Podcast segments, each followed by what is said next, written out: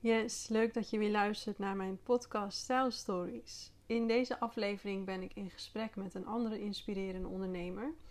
Ik spreek namelijk met Tarinda Straver. Tarinda is marketing- en content coach en weet alles over het creëren van content die resoneert, die verbindt, die aantrekt, die ook converteert en die jou dus echt als leading expert in je niche kan positioneren. Nou, daar deelt ze van alles over, maar ze deelt ook over hoe ze er zelf voor heeft gezorgd dat ze zich echt als die leading expert in haar niche kan, uh, heeft weten te positioneren. Dus daar gaan we het over hebben in dit gesprek. En uh, ik zou zeggen, als je dat interessant vindt, blijf dan zeker luisteren, want ze deelt een aantal hele mooie inzichten met je. Tarinda, welkom. Super leuk dat jij bij mij in de podcast uh, te gast wilde zijn. Ja, dank je. Ik heb er zin in. Leuk, leuk. Ik ook. Hey, voor degene die jou nog niet zo goed kent, zou jij jezelf nog eventjes voor willen stellen? Ja, ik ben Tarinda, ik ben 30 jaar, ik ben content- en marketing coach. En ik help ondernemers aan sterke strategische content die ideale klanten oplevert, connectie creëert en hen als leading expert positioneert. Ja, want jij, ik weet nog, dat is een hele tijd geleden inmiddels alweer hoor. Toen uh, heb ik een cursus bij jou gevolgd. Dat was ook een content cursus, want ik ging toen net van die ja, zeg maar een soort van bloggers zien, wilde ik een andere, andere insteek voor mijn bedrijf. En ik dacht, nou ja, dan moet ik Instagram ook op een andere manier gaan gebruiken. En toen ben ik eigenlijk een beetje bij jou terechtgekomen. En toen had je allemaal cursussen nog, volgens mij, toch? Oh, en... Ik wist helemaal niet dat je die gekocht Ja, ja, ja, ja. Van, oh ja, dat is waar, ja. Ja, de Instagram-cursus. Ja. ja, want die vond ik echt super waardevol toen. Maar inmiddels doe je dat niet meer, toch? Nee, nee, ik heb inmiddels nou, dit is een klein jaar geleden mijn cursussen losgelaten en nu werk ik inderdaad alleen nog één op één met mensen. En waarom heb je die keuze gemaakt?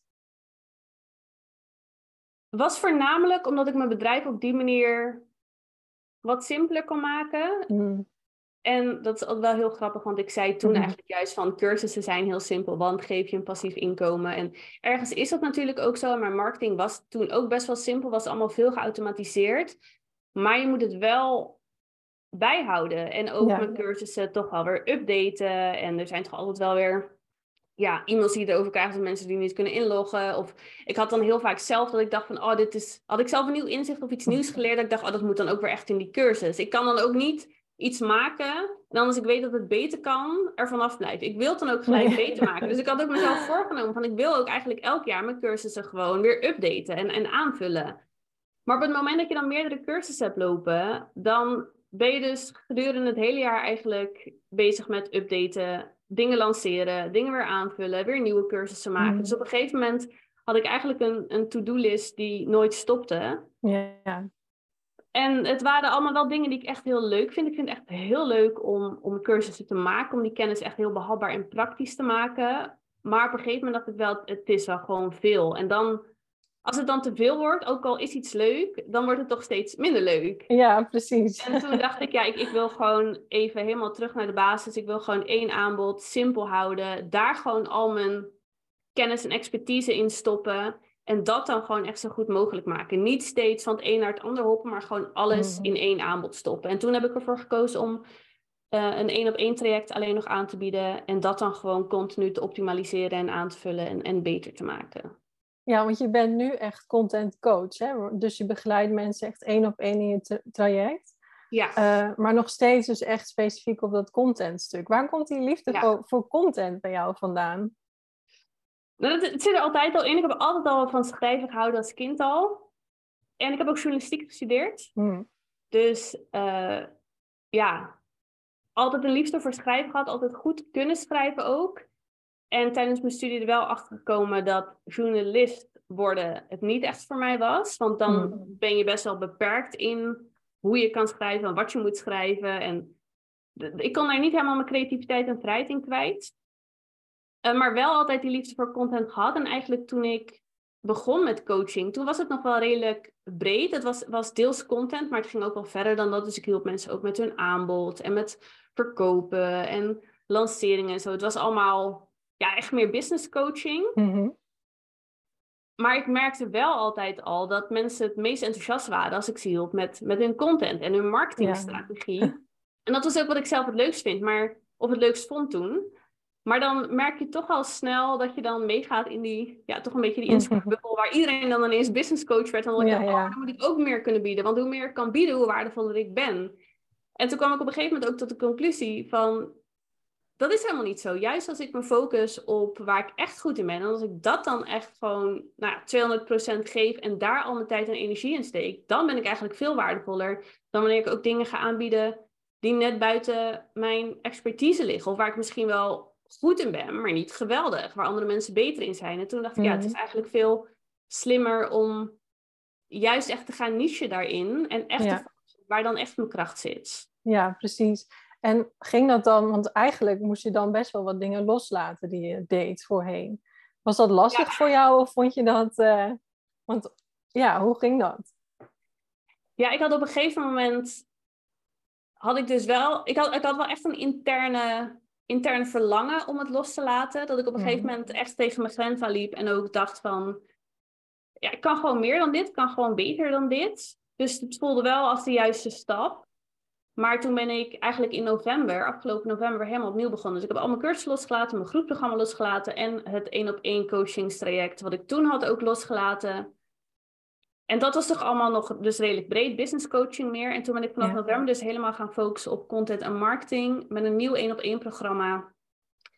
En ehm, ja, ook een nieuwe doelgroep. Dus het, het, voelde wel echt voor mij als helemaal opnieuw beginnen. Wat ik aan de ene kant heel lekker en verfrissend vond. Omdat ik wel echt voelde van, dit is wel echt waar mijn kracht ligt. Dit is wel echt heel goed in kan worden. En wat ik ook echt, ja, waar ik ook gewoon echt heel veel waarde in of mee kan leveren. Maar het is wel spannend, want het liep daarvoor allemaal wel goed. En mijn cursussen liepen goed, mijn groepprogramma. Mensen waren blij met mijn één op één coaching. Dus je laat ook wel weer heel veel los. Maar bij mij mijn enthousiasme en mijn verlangen naar iets doen waar ik echt heel goed in ben, dat zorgde er wel voor dat ik het niet heel moeilijk en spannend vond. Ik voelde wel heel erg dat het de juiste keus was. Dus ook al wist ik dan van, ja, het, is, het zal even zoeken zijn, het, het, voelde wel als het juiste pad. En dan, ja, dat gaf me wel genoeg motivatie om wel heel snel dat andere ook echt los te kunnen laten. En niet te denken van, oeh, moet ik niet terug? Of heb ik wel de goede keuze gemaakt? Of... Dus dat hielp wel heel erg. Ja, precies. En ik kan me voorstellen, als je dan dus inderdaad eigenlijk gewoon uh, alles loslaat en helemaal opnieuw begint met iets nieuws, uh, dat het ook iets vraagt van jouw uh, positionering. Kun je ons daar eens in meenemen? Hoe, hoe ben je daarin te werk gegaan? Ja, sowieso ging ik een wat andere doelgroep aanspreken, dus wat meer de mhm. ondernemer. Ja. En ik sprak juist ook heel veel beginnende ondernemers aan. Juist ook met je cursus natuurlijk, omdat het heel laagdrempelig is. Mijn ja. was ook nog redelijk laagdrempelig. Dus ik moest wel echt een ander soort ondernemer gaan aanspreken. Dat, dat was best wel zoeken en ook in mijn eigen content. Content is mijn expertise, dus ik dacht nou, dat doe ik wel even. Maar ik merkte dat ik daar heel erg in struggelde ook van oké, wat, wat zijn dan hun pijnpunten? Wat zijn dan hun verlangers? Uh, kan ik nog wel op dezelfde manier schrijven? Moet ik ook ineens een hele andere toon? Of, mm ja, ik zat mezelf ook helemaal gek te maken, omdat het gewoon, ja, het is gewoon echt nieuw. En je, je kent die nieuwe doelgroep nog niet helemaal, dus ik was er heel erg zoekende in. Dus het was bij mij qua content en marketing vooral heel erg een kwestie van gewoon maar doen en proberen. Ik ben ook heel veel in gesprek gegaan met mensen die in mijn doelgroep pasten, om dan te ontdekken, oké, wat is het dan wat je zoekt of wat je nodig hebt? En ik ben toen ook een nieuwe website gaan bouwen. Omdat ik dacht, ja, ik wil dan ook wel echt gelijk een wat exclusievere uitstraling. Het mag allemaal gewoon wat, wat luxer, wat strakker, dat het echt wat meer opvalt. Ja, want ik zie het ook aan je beeld. Er is ook wel echt een duidelijk verschil in je beeld met wat je nu laat zien en hoe dat eerder was. Ja, en dat is helaas, helaas nog heel recent. Nee, ik wilde dus ook gelijk toen met mijn nieuwe website een hele nieuwe fotoshoot. Maar ik zat toen in Zuid-Amerika kon geen fotograaf vinden waarvan ik dacht, nou, dat past echt bij wat ik wil uitstralen. Dus ik heb wel heel lang nog foto's gehad die niet echt pasten bij hoe ik mezelf wilde positioneren. En ik merkte ook wel dat dat, dat scheurde ook wel echt bij mezelf op een gegeven moment. Dat het voor mij, voor mijn gevoel klopte het gewoon niet. Met teksten niet, met, met teksten en mijn website, daar was ik dan heel blij mee. En dan voelde ik gewoon van ja, dit, dit is zoals ik het wil hebben. Ja. En mijn foto's die, ja, die, die, die alignden daar gewoon niet, niet mee. Dus en hoe kwam dat, denk je? Waar, waar, waar zat dat hem dan in? Dat dat, ja, dat, dat niet alignen wat je zegt. Een stukje uitstraling. Ik, Op de mm. foto's die ik deelde, kwam ik veel onzekerder over nog. Veel meisjesachtiger. Het was allemaal best wel schattig en zacht. En ik deelde dan ook nog wel veel foto's van ja, gewoon leuke spontane foto's die we zelf hadden gemaakt in het weekend en zo. En dat, dat vond ik nog wel al beter dan de zakelijke foto's die ik eerder had gemaakt. Omdat je daar wel al meer mijn persoonlijke groei in zag. Maar ook dat voelde nog niet echt als die krachtige zaakvrouw die ik ook wilde laten zien. Mhm. Ik wilde juist heel graag die balans van de vrijheid, het leven in het buitenland. Gewoon genieten van het leven, die foto's. Maar tegelijk wilde ik ook laten zien van ja, maar ik ben ook wel gewoon een succesvolle ondernemer. En ja, ik wilde ook gewoon wel echt die kracht en die expertise uitstralen. En dat miste ik gewoon heel erg. Dus ik bleef dan heel erg hangen in, in die schattige, zachte foto's of mijn eigen leuke vakantiepiekjes. Ja. En, en ja, dat, dat, daardoor miste ik gewoon wel echt, denk ik, ook een beetje het zelfvertrouwen om mezelf echt goed neer te zetten. Omdat ik, ik voelde gewoon dat het, dat het het net niet was op die manier. Mhm. Maar nu, want je zegt dan het is nog recent eigenlijk, dat je dan wel echt ander beeld uh, bent gaan inzetten. Um, maar wat is het, hoe is dat dan anders dan de beelden hiervoor? Hoe zie je dat terug? Ik bedoel, ik zie het wel, maar wat is jouw gedachtegang daarachter? Kun je, kun je daar eens iets over vertellen? Nou, ik heb dus in mei dan een nieuwe... Ehm, op een fotoshoot gegaan, toen was ik even in Nederland. En ik heb in juni dan die foto's gekregen. Ja. En toen zijn we ook heel erg gaan focussen op inderdaad echt meer die, die kracht ook uitstralen. Juist niet meer dat meisjesachtig. Ik had heel veel foto's dat ik dan met mijn hand in mijn haar zat. Of een beetje naar beneden keek of wegkeek. Het, was, het kwam allemaal best wel onzeker over als ik er dan nu op terugkijk. En deze foto's zijn allemaal gewoon heel sterk. Echt power poses, in de camera kijken, strakke blik. Ook wel een paar gewoon hele zachte, leuke, gezellige foto's. Maar dit, het straalt veel meer vrouw uit in plaats van meisje, denk ik. Dat, dat, dat het voornamelijk is. Mhm. Ja, het heeft wel, oh, tenminste, dat zie ik dan wel. Dat het echt wel wat volwassener weer is, inderdaad. ik vond het ook echt zo van ik, zag, ik zag ze en ik dacht, wow, bam, die komen echt uh, direct binnen. En wat je zegt, dat valt me ook wel. Dat het echt, uh, echt aansluit zo bij uh, ja, hoe jij je positioneert en wat je aanbiedt. En, um, dus ja, dat vind ik echt super leuk om te zien. Dus daar wilde ik toch eventjes ja. wat meer over weten. Ja, leuk dat het je opvalt. En, en dat is het bij mij... Nu voelt het voor mij ook echt compleet. Het plaatje ja. voelt gewoon compleet. En hiervoor dan, als je dan op een gegeven moment voelt van dat, het, dat het allemaal net niet is qua uitstraling, dat houdt je toch tegen. Want je, je zet jezelf toch minder snel dan in het middelpunt of zo. Ik had dan ook dat ik soms dacht van ja, als mensen me nu vinden of mijn Instagram-account, dan krijg je een heel ander beeld van wie ik ben dan wie ik daadwerkelijk ben of waar ik sta. Omdat het gewoon niet echt een, een eerste indruk is die ik wilde maken. Omdat het gewoon niet meer paste bij waar ik op dat moment stond en ook hoe ik me op dat moment voelde.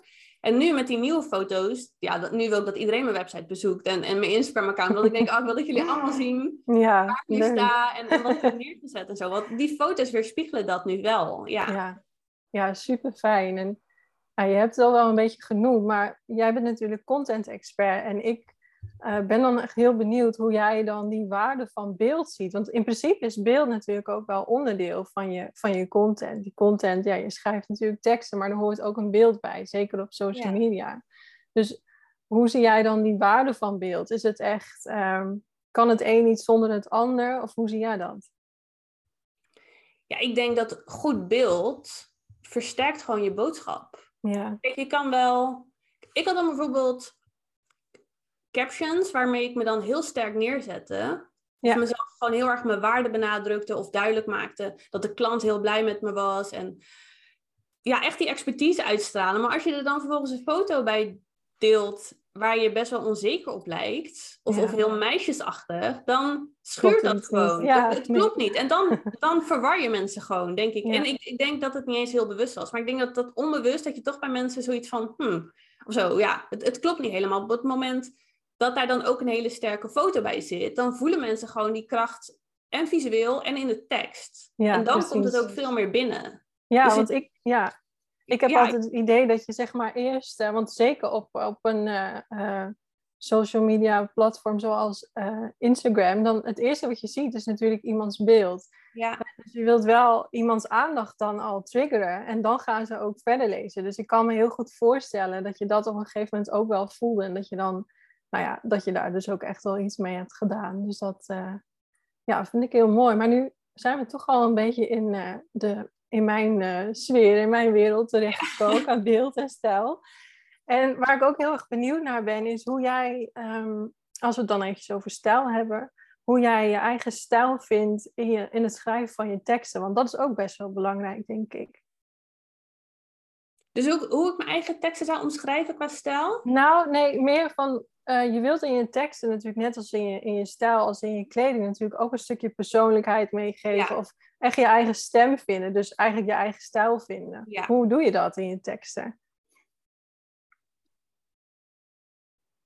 Oh, dat is een goede vraag. Ja, ik denk dat het voornamelijk belangrijk is om gewoon bij jezelf te blijven. Ja. Dat, dat is natuurlijk eigenlijk altijd. Echt jezelf te leren kennen, na te denken over hoe wil ik bekend staan, wat wil ik overbrengen, hoe wil ik dat mensen me zien.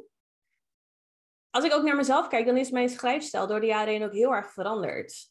In het begin was het veel meer dat ik dan heel erg leuk gevonden wilde worden. En, mhm. en heel, was het heel inspirerend en motiverend. En ja, gewoon ja, hoe zet ik mezelf neer? Ik denk dat het ook wat meer 13 in een dozijn toen nog was. En op een gegeven moment merkte ik ook, als ik een andere doelgroep wil aanspreken, dan moet ik wel soort van een, een niveau hoger gaan zitten. Maar ik wil wel dat het nog bij me past. Want op het moment dat je iets mhm. gaat forceren of andere mensen nagedoen of een steltje gaat kopiëren, ja. ja. dat gaat ook schuren. Dat hou je niet lang vol. Dan, dan nee. het plezier eruit, maar ik, ik, dat merk je ook gewoon in je teksten. Op het moment dat het niet als, als iemand, of, of niet bij je past, dan voelen mensen dat ook door je teksten heen, denk ik. Dus ik ben toen ook gewoon heel erg gaan kijken naar, ja, hoe zie ik mezelf? Hoe wil ik dat anderen me zien? En hoe kan ik dat dan vertalen naar een schrijfstijl? Want dan is het voornamelijk gewoon een kwestie van eigenlijk proberen, doen. Wat, wat ik ook dan vaak deed, was dat ik iets schreef en dat ik het dan hardop voor ging lezen. Om dan te kijken van, oké, okay, klinkt oh, ja. mezelf? Of dan liet ik een man lezen en dat ik dan aan hem vroeg van, ja, vind je dit nog bij mij passen? Of is het eigenlijk te hard of juist te zacht? Of dat ik gewoon wel echt een beetje ging experimenteren met ja, wie, wie ben ik dan ook in mijn teksten? En ik denk dat dat wel heel belangrijk is, omdat op het moment dat je, dat je teksten schrijft die niet helemaal bij je passen en mensen zien je dan in het echt, ja, dan heb je ook weer die mismatch. En, en dat werkt gewoon niet lekker voor mensen. Plus, ja, je, ik, ik heb het idee dat je dat toch altijd voelt als mensen zich in hun teksten anders voordoen dan ze daadwerkelijk zijn. Je hebt dan toch altijd dat het net een beetje afvoelt of zo. ja. Niet helemaal lekker leest. Nee, precies. En dit vind ik zo leuk aan jou en wat je doet. Want in principe, alles wat jij nu net zegt, daarbij kun je bijna het woord tekst ook wel door stijl of uh, kleding vervangen. Want in principe doe je met, met je stijl natuurlijk hetzelfde als wat je in taal kunt doen. Want het is gewoon een vorm van expressie. Ja. Ja. En daarin is het denk ik zeker belangrijk wat jij zegt, dat je zorgt dat er niet een mismatch zit tussen ja, waar je echt voor staat en wat je dus overbrengt uh, via die weg. Want wat is het belangrijkste verschil als je kijkt naar de teksten die je eerder schreef en de teksten die je, zoals je nu schrijft? Want je zegt dat het is wel belangrijk om echt bij jezelf te blijven. Uh, maar wat is dan het belangrijkste verschil? Wat doe je nu anders? Nu je zeg maar echt op die andere ja, doelgroep zit en jezelf anders hebt gepositioneerd. Ik denk dat ik nu een heel stuk krachtiger overkom. En dat is mhm. ook voornamelijk gewoon een groei in zelfvertrouwen geweest. Hiervoor was het toch meer van schrijven waarvan je weet dat het goed werkt of wat goed aansluit en niet zozeer wat ik echt vind of wat ik wil zeggen. En ook het allemaal nog redelijk veilig en comfortabel houden. En tegenwoordig heb ik steeds meer zoiets van: nee, dit is gewoon waar ik voor sta, dit is wat ik vind, dit is wat ik wil, hier kan ik je mee helpen ik voel ook gewoon dat zelfvertrouwen in mezelf rondom het traject. Dat ik gewoon weet, het is gewoon heel waardevol. Ik kan hier ook gewoon heel veel mensen mee helpen. En nu durf ik dat dan ook echt zo te benoemen. Terwijl ik dat hiervoor dan toch, ja, dan ben je een beetje bescheiden en hou je jezelf een beetje hm. klein. Mhm. En eigenlijk door de groei die ik als ondernemer en als persoon heb gemaakt de laatste jaren, durf ik ook steeds meer ja, dat zelfvertrouwen ook echt in mijn teksten terug te laten komen. Waardoor ze gewoon veel krachtiger zijn. En daardoor ook gewoon veel meer spreken tot mensen. Want als je zelf natuurlijk heel enthousiast en ja, vol zelfvertrouwen ben over wat je doet en wat je aanbiedt, dan gaan mensen veel sneller in je geloven dan wanneer je het allemaal een beetje klein, klein en onzeker houdt. Ja, dus eigenlijk is dat misschien nog wel het allerbelangrijkste. Als je wilt dat je teksten echt krachtiger overkomen, dat je gewoon echt dat zelfvertrouwen voelt en die connectie met wat je zelf voelt, die waarde die je hebt en wat je over wilt brengen. Ja, ik denk, ehm, je kan nooit goed je waarde overbrengen op het moment dat je niet volledig in die waarde gelooft zelf. Of als je daar volledig voor durft te staan. En dat voelen mensen dan. Dus het is gewoon dat stukje mindset is zo belangrijk. Je kan pas echt je kracht en je waarde overbrengen. Je kan pas echt dat verlangen triggeren bij mensen op het moment dat je helemaal voelt van ik kan hier ook mensen mee helpen. Het is inderdaad heel waardevol. Ik, ik hoef mezelf niet meer klein te houden. Ik mag van de daken schreeuwen hoe goed ik ben, want ik, ik ben gewoon ook echt heel goed. Pas op, pas op het moment dat je dat voelt, kan je dat ook echt effectief overbrengen. Ja. Ja, dat is leuk dat je dat ook noemt, want dat is ook wel wat ik dan uh, in mijn werk heel mooi vind en ook heel belangrijk. Dat je dus mensen ook echt het zelfvertrouwen kunt geven en dat ze zich ook echt die autoriteit in hun markt gaan voelen, ook weer door wat ze dragen. En, en, en dat werkt natuurlijk ook weer overal in door. En dat is met je teksten natuurlijk ook, uh, ja, dat, dat, daarin werkt dat natuurlijk ook zo. Dat je dat zelfvertrouwen gewoon, ja, dat je gewoon dat maximale potentieel, dat je daar gewoon in wilt kunnen uh, stappen. Zodat je echt... Ja. Want wat is voor jou, jij helpt je klanten echt om leading expert te worden. Hè? Dat zag ik op jouw uh, website, dat noem je zo mooi. Wat is daarin denk je het belangrijkste wanneer, ja, voor, voor mensen om echt een leading expert te worden in hun niche? ik denk dat dat ook weer terugkomt op dat stukje zelfvertrouwen. Dat je überhaupt dat podium durft te pakken. En kijk, ik zei dat net wel van je moet dat zelfvertrouwen voelen. Maar het is ook weer niet zo dat je pas sterk kan schrijven op het moment dat je dat zelfvertrouwen voelt. Wat ik ook juist bij mijn klanten doe, is ze uitdagen om zichzelf heel sterk neer te zetten, ook al voelen ze het nog niet. Maar juist op het moment dat je gaat opschrijven waarom jij dan zo goed bent. Of dan, dan ze bijvoorbeeld de vraag van, oké, waarom ben jij de beste in je niche? Of waarom moeten mensen specifiek bij jou zijn en niet bij persoon X? Dan dwing je mensen om na te denken over, oh ja, wat, wat is er dan allemaal zo goed aan mij? Waar ben ik uniek in? En op het moment dat je daar dan over gaat schrijven, dan ga je ook steeds meer voelen van, oh, ik ben eigenlijk wel echt goed in wat ik doe. Of, oh ja, ik ben inderdaad uniek hierin. Of, oh ja, mijn aanbod is inderdaad wel echt heel waardevol als het hier om gaat. En dan groeit dat zelfvertrouwen vanzelf. En op het moment dat je dan ja, echt die leading expert wil worden, ja, je moet dan gewoon één bonk zelfvertrouwen zijn eigenlijk. Want op het moment, je moet dat podium durven pakken, echt in die spotlights durven staan. En ook echt die waarde dan kunnen overbrengen. Dus het is en een stukje zelfvertrouwen om überhaupt die waarde te kunnen overbrengen. Maar ook weten hoe je hoe je die waarde effectief kan overbrengen. En dan, dan zit het meer in een stukje copywriting en een stukje marketing. Van hoe zorg je er dan voor dat andere mensen jou ook echt als die leading expert gaan zien? Ja, precies. Want ehm, wat jij volgens mij ook heel mooi op je website ook noemt, is dat het ook belangrijk is dat je niet alleen. Ehm, ja, hoe zeg je dat? Volgens mij, het is niet helemaal dit, maar het komt er wel mee overeen. Dat je mensen niet alleen in hun hoofd weet te raken, maar ook in hun hart. Hoe, hoe doe je dat via je teksten? ja, dan is het dus echt emotie aanspreken. Ja. En, en mensen, zeker als je bijvoorbeeld kijkt naar investeringen, mensen kopen gewoon vanuit emotie en niet mhm. vanuit ratio. Ze gaan het later. Ratio komt wel aan, aan te pas, maar mensen volgen altijd in eerste instantie hun hart of een onderbuikgevoel.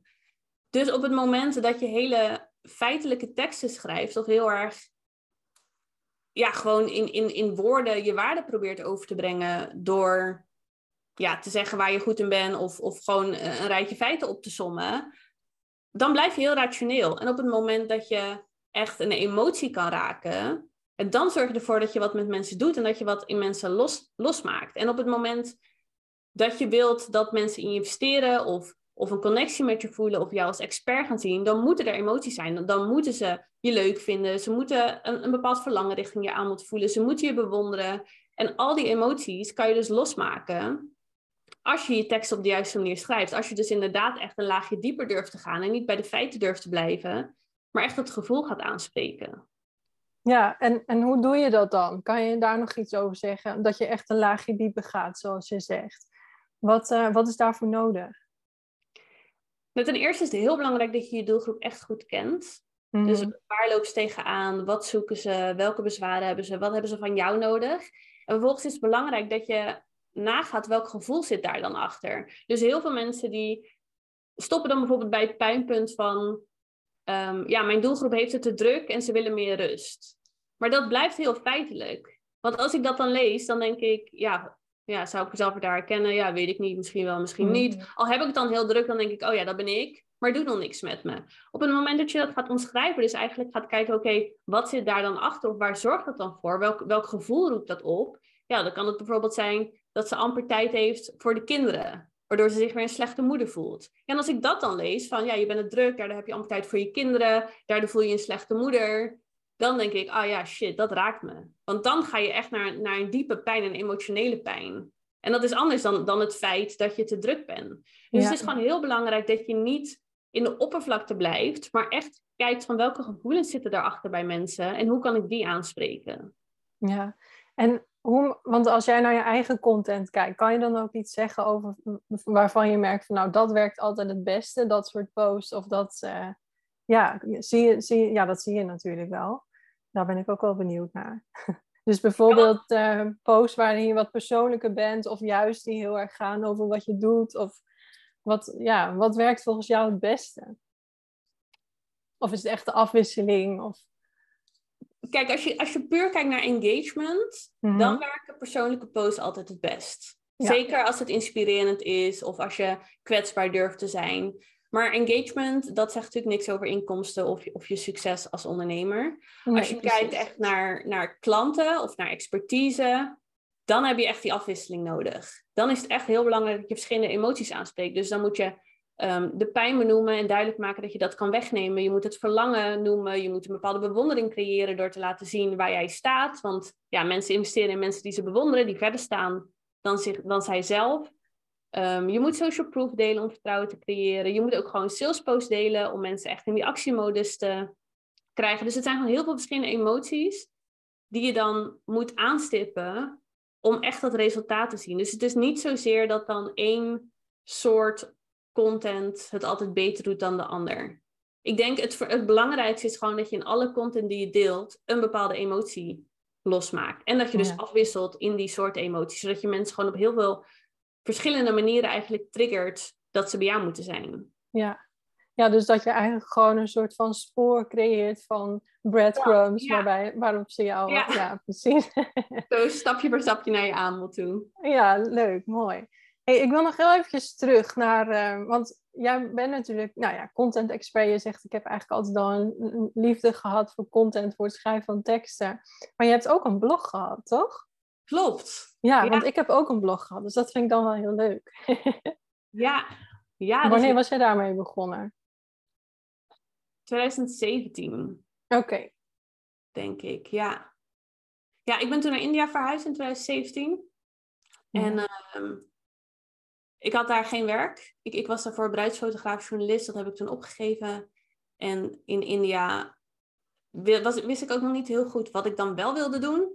Dus toen dacht ik, nou weet je, ik ga in ieder geval gewoon bloggen, omdat ik het schrijven leuk vind. Maar ook om, om mezelf gewoon te ontwikkelen. Want blog was helemaal nieuw voor me. Heel die online wereld was nieuw. En ik dacht op het moment dat ik dan ga bloggen, dan moet ik zoveel nieuwe dingen leren over SEO en, en social media en marketing en alles. Dus ik dacht, dan heb ik in ieder geval gewoon lekker een uitdaging waar ik me in, in vast kan bijten niet echt grote plannen om, om dat echt heel groot te maken of zo. Ik, ik begon eigenlijk gewoon meer, meer om lekker bezig te blijven en, en nieuwe dingen ja. te Ja, je kon natuurlijk super mooi beeld maken daar. Want je, ja. ja, ook dat, ja. ja. Ja, want, hebt, want dat zag ik ook nog, dat je ook als fotograaf hebt gewerkt. Kwam dat, was dat een beetje een afgeleide van, vanuit je blog of was dat eerder al? Of? Nee, tijdens mijn studie journalistiek heb ik ook fotojournalistiek gedaan. Oké. Dus echt verhalen vertellen in beeld. Ik ben eigenlijk altijd ook al veel met fotografie bezig geweest. Ik ben heel visueel ingesteld. Dus ik dat is wel grappig eigenlijk, dat je je dan nu heel erg focust zeg maar, op uh, tekst, maar dat je ook zegt van ik ben wel ook echt heel visueel ingesteld. Ja, maar bij mij is dat echt dat totaalpakketje. Ik, ja, precies. En de tekst en het beeld. Dat is mhm. iets wat, wat ik beide echt heel fascinerend vind. En zeker als, dat dan, als je dat dan samenbrengt, ja, er zit daar zoveel kracht in. Dus ik heb beide dat heel leuk gevonden. En toen ben ik, um, na mijn studie ben ik eigenlijk een beetje de bruidsfotografie ingerold. Dus dat heb ik toen ook een paar jaar gedaan. En in India heb ik, hebben we heel veel gereisd. En toen ben ik ook veel foto's gaan delen op Instagram. Toen had ik ook echt een groot Instagram-account waar ik echt ja, een beetje een reisinfluencer was. Waar ik ook ja. samenwerkingen had en zo. Dus toen ben ik vooral ook inderdaad heel veel met beeld bezig geweest. Ja, want dat zag ik. Volgens mij uh, kan ik me nog herinneren, een paar jaar terug, toen ik dus ook nog meer mijn ja, mijn Instagram dus uh, gebruikt als een soort verlengstuk uh, van mijn blog. Toen heb ik jou ook wel eens, ben ik jou wel eens tegengekomen. En toen dacht ik al, wow, wat een mooie foto. En je had altijd zulke mooie plekken waar je dan ja, natuurlijk het mooiste beeld kon maken. Want ja, jij bent sowieso heel erg van het reizen. Hè? Kan je daar nog, want dat vind ik heel leuk aan jou. Misschien kan je daar nog even wat over vertellen. Want je hebt dus in India gewoond, maar je woont nu in Spanje.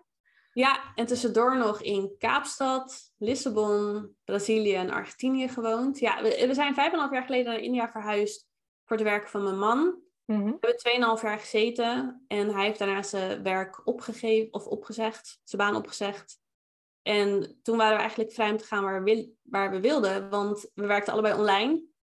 Dus toen dachten we, ja, waarom, waarom dan terug gaan naar Nederland als de hele wereld voor je open ligt? Ja. En toen zijn we naar Kaapstad gegaan en, en vanuit daar dus inderdaad door naar, naar Portugal en Argentinië en Brazilië en dan nu in Spanje. Ja, tof. Ik vind dat echt super, super leuk als mensen dat gewoon doen. Dat ze gewoon, ja, zoals jullie dan, gewoon echt van plek naar plek reizen. Gewoon kijken wat spreekt ons aan en dan gewoon daar helemaal voor gaan. Dat vind ik echt super leuk. En ehm, ja, want je kan inderdaad gewoon overal natuurlijk je werk doen. En nu, ik neem aan dat je ook voornamelijk online werkt dan. Als, Ja, eh, volledig content online. Ja, Ja, volledig online. Ja. Ja, leuk. En eh, is er dan ook iets wat je zeg maar vanuit jouw, ja, vanuit jouw reisleven meeneemt in je werk? Of hoe...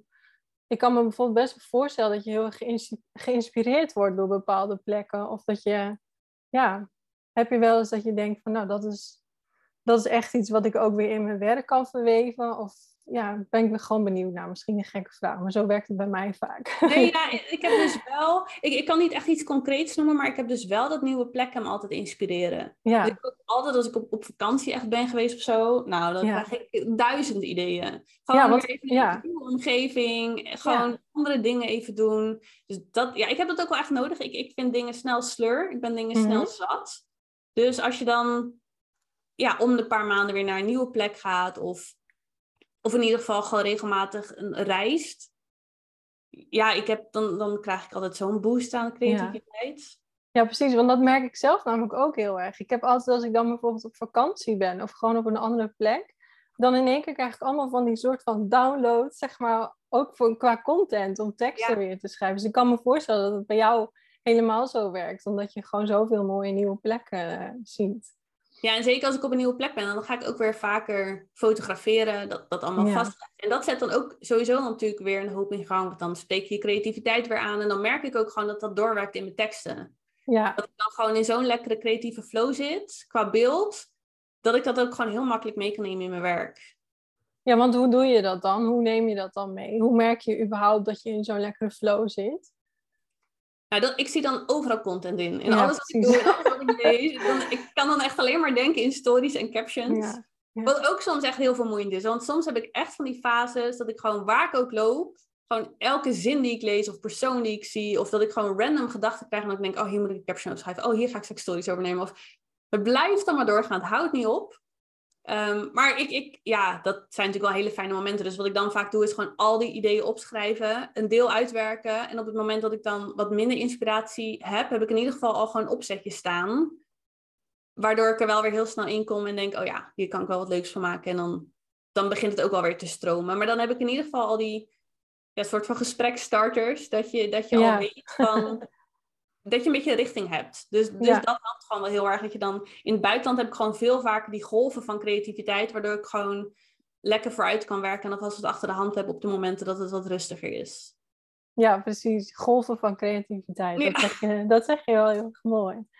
Ehm, er was net nog een vraag die me te binnen schoot. En ik zei vooraf al misschien dat je me af en toe mee ziet schrijven. En dat heb ik dus niet gedaan. Dus nu ben ik het weer kwijt.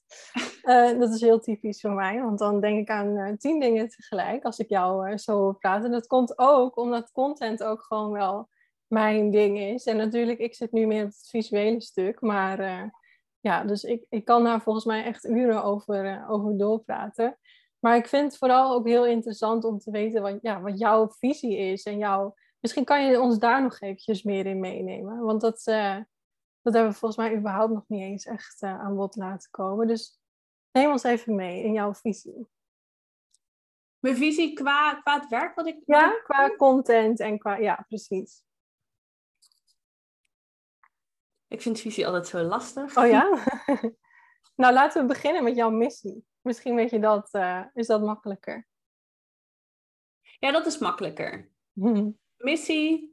Ik wil gewoon heel graag ondernemers helpen om hun waarde echt beter over te brengen. Ik zie gewoon zoveel ondernemers die echt heel goed zijn in wat ze doen, die ontzettend goede resultaten ha- halen, behalen met hun klanten, maar die dan vervolgens dat gewoon niet zo goed overbrengen of zichzelf daar heel erg klein in houden of gewoon heel erg op, op één soort content focussen en dan niet het resultaat zien die ze zouden kunnen zien. En dat vind ik gewoon, dat, dat kan me gewoon bijna frustreren. Dat ik denk, je hebt zoveel goud in handen, er zit zoveel potentie in jou en dat komt er gewoon niet uit. En ik vind het gewoon echt fantastisch om dat bij mensen naar boven te halen en dat gewoon echt te vertalen naar content. Ja, ja, ik, ik, zit, uh, ik zit nog even te kijken hier stiekem op de dingen die ik heb opgeschreven. Maar wat ik gewoon heel erg mooi vind, is dat jij ook echt noemt dat jij je klanten echt helpt om die leading expert te zijn, waar we het net ook al eventjes over hadden. En dan ben ik gewoon nog wel even benieuwd, als je echt één ding mag noemen, wat echt nodig is om in je content te doen, uh, als je echt die leading expert wil zijn, wat is dat dan? Wat is echt het allerbelangrijkste? Allerbelangrijkste. um, ja, ik denk echt jezelf volledig omarmen of gewoon volledig jezelf durven zijn. Ja. Met, ja, gewoon zonder filter. Wat niet betekent dat je maar alles moet, alles moet zeggen of alles moet delen, maar in ieder geval je niet tegen laten houden door wat gaat de ander hiervan vinden of kom ik nu niet arrogant over of is het niet mhm. too much of gewoon echt nadenken over waar sta ik voor, wie ben ik, wat kan ik bieden en dat gewoon echt durven ownen. Ja. Ja, mooi. Ik denk dat dat wel een beetje de rode draad is die wij uh, in dit uh, gesprek hebben ontrafeld. Uh, en ik denk ook dat het een mooie is om ermee af te sluiten. Maar voordat we dat doen, zou ik jou nog even willen vragen om even te delen. Als mensen meer met je, van jou zouden willen weten, waar kunnen ze jou dan het beste vinden? Mijn website is tarindastraver.nl. Daar kan je ook een gratis gesprek inplannen, mocht je dat willen, mocht je willen weten waar, jou, ja, waar er voor jou nog kans liggen in je content. En je kunt me volgen op Instagram, dat is @tarindastraver. Nou, super. Ik zal het ook eventjes nog in de beschrijving extra erbij zetten. Dan uh, kunnen ze in één klik ook door naar jou als ze dat uh, leuk zouden vinden. Dankjewel Tarinda voor je tijd en je inspirerende verhaal. Jij ook bedankt.